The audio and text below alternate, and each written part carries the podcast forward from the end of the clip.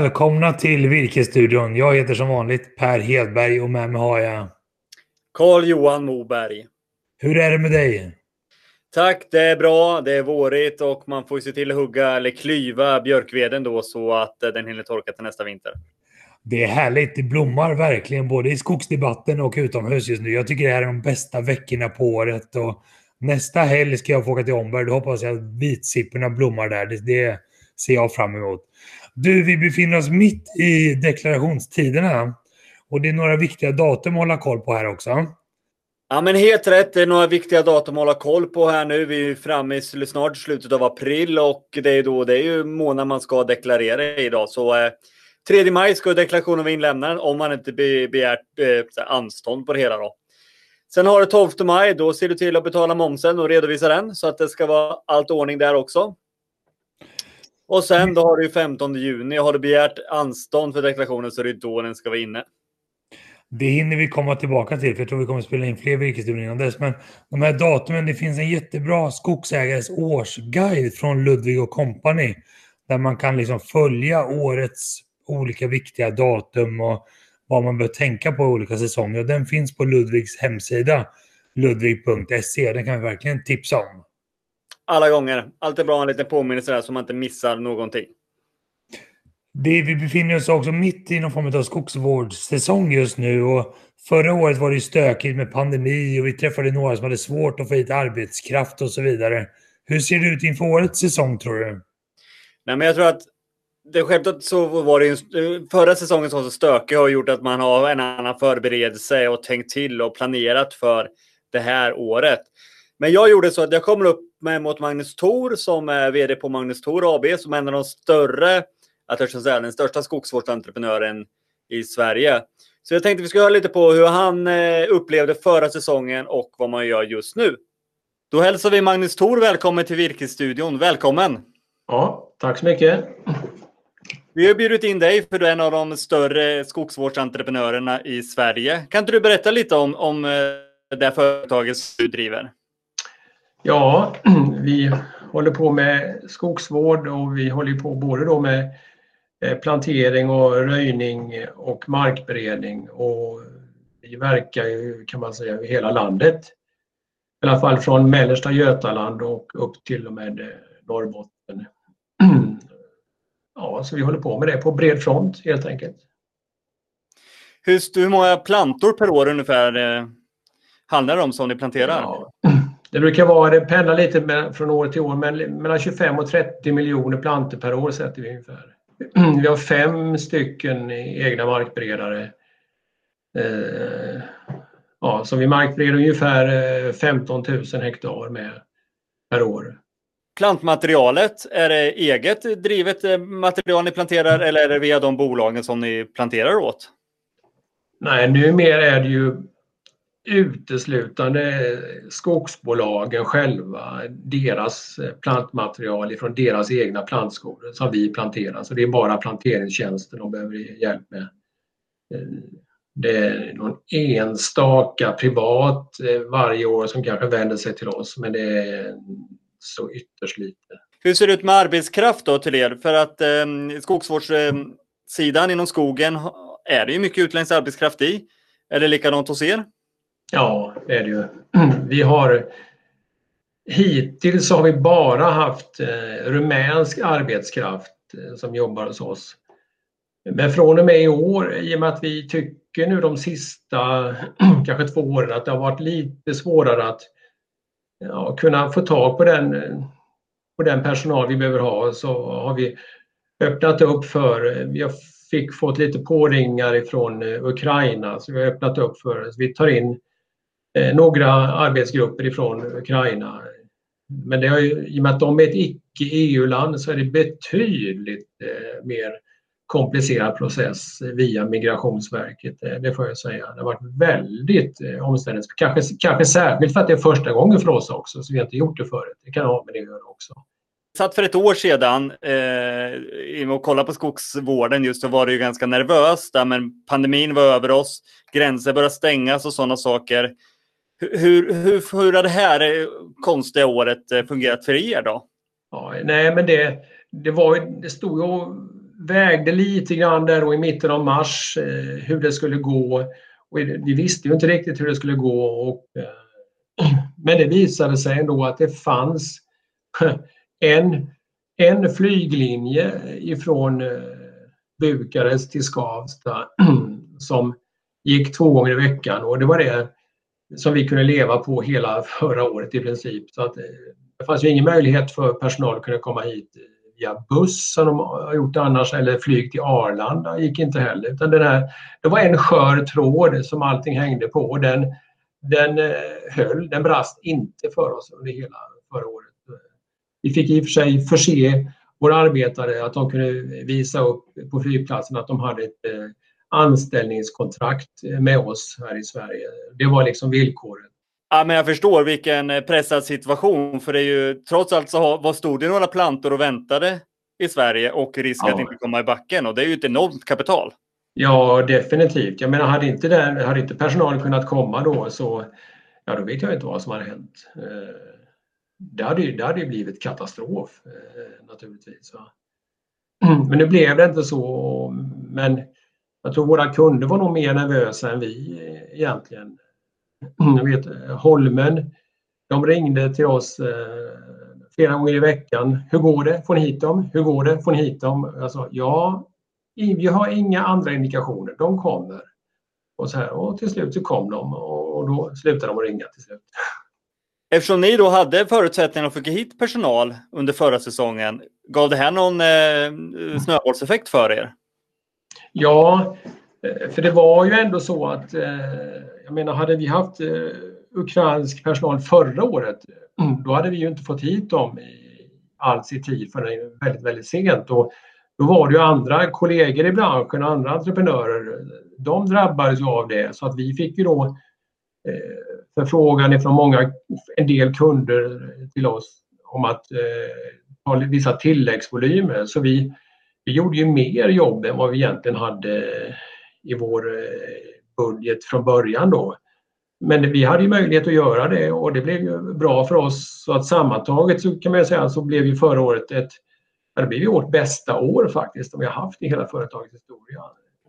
Det som för många andra blev kanske ett katastrofår då. Så ja, vi får ju bara vara tacksamma för det. Jag menar, det, olika saker drabbar olika hårt. Jag menar, vi, Ta den här torra sommaren 2018 då, den drabbades vi hårdare av, det kan jag säga. Och det vart ett, gjorde ett nollresultat det året, så det var inte så roligt. Va? Men 2020 med dem, eh, med vad som kom med det, med pandemin där, det drabbade oss inte då, utan där fick vi ett rekordår istället. Så, att det, så kan det vara. Inför den här säsongen då, för nu är ni ju, börjar ni smyga igång med planteringen på vissa håll så är det fortfarande lite kallt. Eh, kanske snö också. Men hur, hur ser det ut då? Har ni, har ni fyllt upp era platser med, med arbetare? Ja, faktiskt så ja, de har börjat komma in här och jag har själv varit nere i, i den här veckan nere i eh, Vänersborg och startat upp två planteringslag eh, faktiskt. Och, ja, det verkar vara på spåret hittills och på måndag i nästa vecka så går vi igång på riktigt bred front. Jag tror vi har 12 grupper som ska igång då. Eh, så att då går det igång på många ställen. Eh, men eh, ja, allt, allt tyder på att det ska fungera bra också och vi hoppas att det blir så. Ja, på årsbasis, alltså vi, vi brukar säga så här, när det går som på, på fullt, på alla cylindrar så här på våren då i april till juni, då är vi ungefär totalt sett ungefär 300 personer igång, inklusive oss här på kontoret. Och då är det väl kanske 270 stycken som kommer från eh, Rumänien och i år då naturligtvis några från Ukraina med. Då. Mm. Det är en stor organisation och det är väldigt mycket, enormt mycket administration. Alltså det, och, eh, I och med att vi har så mycket anställd personal och det, det märker man, det blir väldigt pressat alltså. Och jag vet, jag märker bara den här veckan nu inför att det ska komma så många nästa vecka. Det blir lite eh, frustrerat och nervöst och irriterat på flera håll här hos oss då, med att, att det är så mycket som ska vara i ordning och det är så många bilar vi måste få hit till personalen, så mycket boende som måste ordnas, så mycket utrustning som måste göras klart och så här och så mycket anställningskontrakt som måste vara klara när de börjar här. Och så många och det, vi måste printa ut traktdirektiv överallt och sådär. Så det är enorm logistik. Vad tror du om vi, om vi kollar framåt i spåkulan då? Vad, vad, hur tror du skogsvårdsbranschen ser ut om fem, mm. tio år? Har du någon idé? Ja, jag tror att den ser ganska lik ut som den är idag ändå. Lite ytterligare digitalisering. Eh, vi har ju, vi har ju redan eh, Eh, gått åt det hållet en hel del och det fortsätter nog också. Så man måste också vara lite tekniskt orienterad i våra företag. Eh, och det kanske är, har väl varit mycket så. Det har varit konservativt och mycket lite äldre. Ja, vi, vi, jag menar, jag tillhör också den generationen som egentligen är för gammal för att vara vara de som har det i, i händerna med modersmjölken. Men liksom, så man har fått lära sig det i efterhand. Va? Vad tror vi om, eh, pågår vi försök med planteringsmaskin igen? Är någonting som ni, ni följer? Ja, försöker vi följa lite grann och läsa lite grann om... Eh, vi var ute och besökte lite förra året och titta på hur det går till och så vidare. Va? Och, eh, eh, jag menar det, det den kan åstadkomma och så vidare det hälsar vi väl också och eh, så att den kan fungera någorlunda på bred front. Eh, ja, då är inte vi främmande för det. Kanske vi kan skaffa en sån maskin eh, om den kan vara användbar. Så, eh, men eh, det känns ju inte som att den ska kunna ersätta de manuella plantörerna eh, på kort sikt. Nej, det krävs ju lite speciella markförutsättningar för att rulla fram en planteringsmaskin. Mm. Människan trots allt går ju fram lite lättare i terrängen, ja. i nästan all terräng. Tack så mycket Magnus för denna pratstund. Jätteintressant ja. att höra mer om dig och ditt företag och på återseende får vi väl säga. Ja, tack så mycket. Det var trevligt. Mm. Jätteintressant Carl-Johan. Du, om man ska beställa plantor och gå och fundera på plantval, är det för sent inför den här säsongen tror du? Tror jag alla gånger att det är. Eh, det är klart, det går säkert att få tag på lite planter som, som har blivit över eller något sånt där. Men du kan ju absolut inte räkna med det. Eh, och du får ju absolut inte den plantan som du kanske vill ha. För här ska man ju verkligen ha rätt planta. Och det gäller ju inte bara att ha rätt eh, trädslag utan man ska ju även ha så bra proveniens som möjligt för sin fastighet så att man får den produktionen som man vill ha. Ja, det är bra. Man ska beställa plantor i god tid för då undviker man de här onödiga blandbestånden som är lite ofrivilliga om man beställer plantor för sent. Då får man ta det som finns helt enkelt. Ja, ett blandbestånd är väl alltid trevligt, då, men, men, men, man kanske inte får den plantan som man vill ha. Däremot så ska man ju kanske då börja fokusera på att beställa röjning då. För efter planteringssäsong så är det dags att röja. Och kanske även då att göra en viltbehandling av eh, de plantorna som planterade i år eller förra året då, så att inte de vilda djuren går där och äter på dem. Hur ska man tänka kring röjning tycker du? Är det värt att betala för det och få den kvaliteten? Eller är det okej att göra det själv? Eller hur ska man tänka som skogsägare? Nej, men med röjning så tycker jag att det viktigaste är att det utförs. Och eh, tänker man att man ska röja på semestern, det, ofta så brukar det inte bli så jättemånga dagar man kanske röjer för det är så pass varmt och man vill göra andra saker. Bada, fika, träffa släktingar och vänner och, och, gå i skogen bara allmänt. Så att jag tror att se till att leja bort röjning. Alltså det, det är någonting som du tjänar på i längden. För det är ett jätteviktigt steg i fasen i anlägga ny skog. För annars tycker jag liksom att plantera ett bestånd och att röja ett bestånd, det är så fint sätt att bygga en kärlek till ett bestånd och en trakt. Eller kärlek låter så stort, men åtminstone någon form av emotionell koppling till det. Och det kan ju öka lusten att sköta sin skog också. Ja, men det har du alldeles rätt i, men jag tror att välj de bestånden då som, som, som, är, som du vet att du kan reda ut och hinna med att röja. Och sen så kan du göra andra saker. Men ta, köp lite snitselband och går och, och snitsla in beståndet då åt entreprenören. Snitsla upp in det här, det här ska det gå en väg, en stig, en basväg så att de också vet det. Så lär känna din skog. Mycket bra. Och vill man veta om man kan dra av snitselband och röjsåg och sådana saker, då kan man kontakta Ludvig på ludvig.se inför deklarationen nu då. Exakt, så är det. Hörru du, Södra köper ett sågverk i södra Sverige. Hur ska vi tolka det här? Jag tror att, de, eh, att vi ska tolka det så att de ser ju det, liksom många andra, det ökat behovet av sågad, eller efterfrågan då på sågade varor. Samtidigt får de igen ett sågverk placerat mitt i området nära E4 och samtidigt en stor impregneringsanläggning för det tryckta virket som går bra. Tror du att det var impregneringsanläggningen som var sockerbiten som lockade dem dit? Kan mycket mer ha varit det som gjorde att det föll över. För det är ju så att de har köpt sågverk innan också. Ja, men det, det var ju runt, runt stormen Gudrun där. Eh, jag vet inte exakt om de före eller efter, men, men då köpte man ju av baroniet Adelsvärd och såg Åtvidaberg och det drev man ju några år innan den lades ner. Så att, eh, hoppas att de kommer fortsätta att driva den här sågen.